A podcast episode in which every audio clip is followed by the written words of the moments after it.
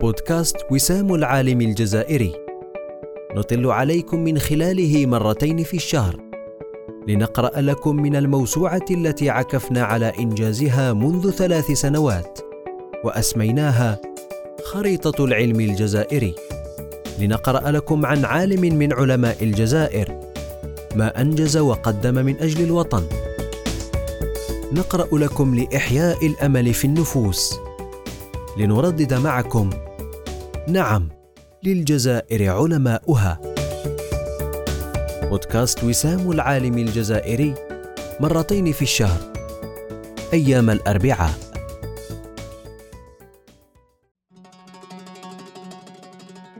العدد الرابع حول حياة الأستاذ عبد الوهاب حمودة مهندس ملتقيات الفكر الإسلامي في الجزائر.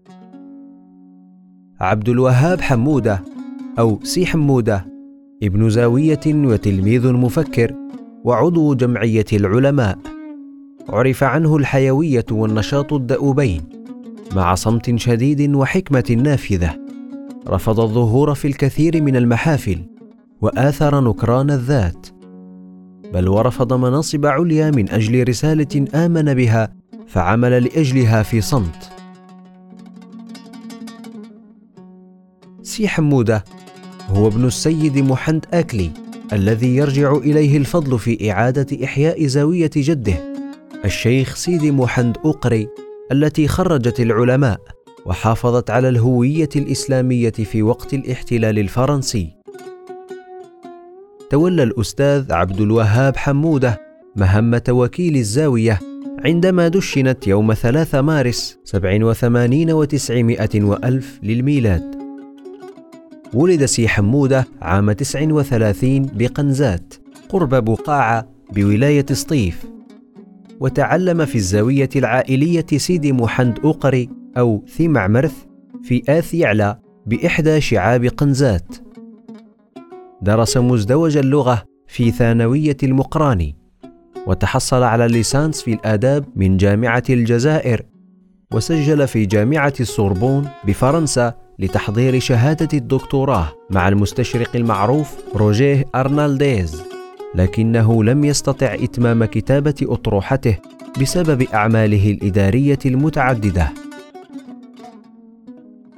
بعد الاستقلال انضم إلى جمعية القيم برئاسة الدكتور الهاشمي التيجاني وعضوية كوكبة من رجال جمعية العلماء على رأسهم الشيخ أحمد سحنون ثم حلت بعد ذلك.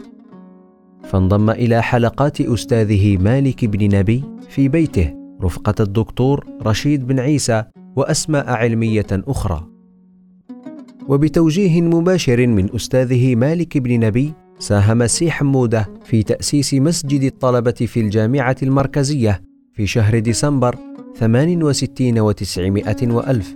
رفقة كل من الوزير عبد القادر حميتو الصيدلي عبد العزيز بوليفة. والدكتور محمد جاب الله عندما وجه طلبا إلى وزير التربية الوطنية آنذاك الدكتور أحمد طالب الإبراهيمي. كانت للأستاذ عبد الوهاب إسهامات علمية متميزة في الجامعة الجزائرية. فقد ساهم بشكل كبير في نشر فكر أستاذه مالك بن نبي في الوسط الطلابي. كما شارك في إصدار مجلة ماذا أعرف عن الإسلام باللغة الفرنسية. عمل مديرا لمعهد العلوم الاجتماعية ورفض منصب وزير في مناسبات كثيرة لكنه شغل مناصب متعددة في وزارة الشؤون الدينية والأوقاف حيث عين مسؤولا في مديرية إحياء التراث ثم مسؤولا عن مديرية الثقافة الإسلامية من سنة 80 إلى 91 وأخيرا امينا عاما لهذه الوزارة في عهد صديقه الوزير الدكتور سعيد شيبان. لقب الأستاذ عبد الوهاب بمهندس ملتقيات الفكر الإسلامي حيث أشرف على إعداد الملتقيات السنوية للفكر الإسلامي قارب العشرين طبعة تنظيما ومتابعة. استضاف فيها نخبة من العلماء والمفكرين العرب والمسلمين من مختلف التيارات والمذاهب وكذلك المستشرقين لمناقشة قضايا فكرية تراثية ومعاصرة وهي المنتديات التي أجمع روادها على أنها كانت من أرقى السجالات العلمية في العالم. يقول الدكتور يوسف القرضاوي في مذكراته التي جاء فيها عن سي عبد الوهاب ثم عرفت مع الوزير الذي هو الشيخ شيبان الشاب النابه المتوقد عبد الوهاب حمودة مدير الملتقيات ومنظمها والدينام المحرك لها والذي استرحت له بمجرد لقائه ورؤية وجهه. فلما شاهدت تحركه وسمعت كلامه بعد ذلك ازددت حبا له وتقديرا لما يبذله من جهد وإعداد وتنظيم في سبيل إنجاح الملتقيات. عرف عن الدكتور عبد الوهاب حبه لخدمة العلم وطلابه فمما يروى عنه أنه ساعد بعض الطلبة الأفارقة الذين كانوا يدرسون في معهد العلوم الإسلامية ليعودوا إلى أوطانهم معلمين ومربين. كما يحكي عنه الشيخ محمد الهادي الحسني بقوله إن الفضل بعد الله عز وجل في اعتلاء كراسي الدعوة يعود إلى الأستاذ عبد الوهاب حمودة رحمه الله حيث كلفني من غير سابق معرفة أن أعد كلمة بمناسبة المولد النبوي الشريف وقد ألقيت معاذيري ولكنه شجعني وساعدني. أشرف في الوزارة على الأحاديث الدينية التي كانت تلقى باللغتين العربية والفرنسية وقدم حصصا دينية لترجمة القرآن الكريم على القناة الوطنية الناطقة بالفرنسية ومن بين الشخصيات الإسلامية التي أعجبت بنشاط الأستاذ عبد الوهاب وبوطنيته المفكر والدبلوماسي الألماني مراد هوفمان الذي عبر به بعد لقاء الوداع الذي نظمه على شرفه الأستاذ عبد الوهاب عندما انتهت مهمته في الجزائر. عرف الأستاذ عبد الوهاب في جمعية العلماء المسلمين الجزائريين بالتنظيم الدقيق والعميق لمواصلة تحريك الثقافة ونشر الدين الإسلامي كما عمل بالموازاة في نشاط الزوايا العلمية والقرآنية على مستوى الكتاتيب وفي المساجد.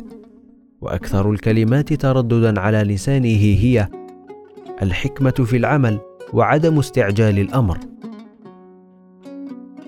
غادرنا الأستاذ عبد الوهاب بعد مرض لازمه في العاشر من أكتوبر 2017 الموافق للعشرين من محرم 1439 للهجرة.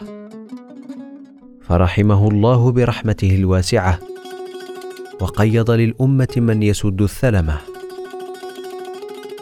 موعدنا بكم يتجدد في عدد جديد من بودكاست وسام العالم الجزائري. مع تحيات قسم إنتاج المعرفة بمؤسسة وسام العالم الجزائري. نعم للجزائر علماؤها.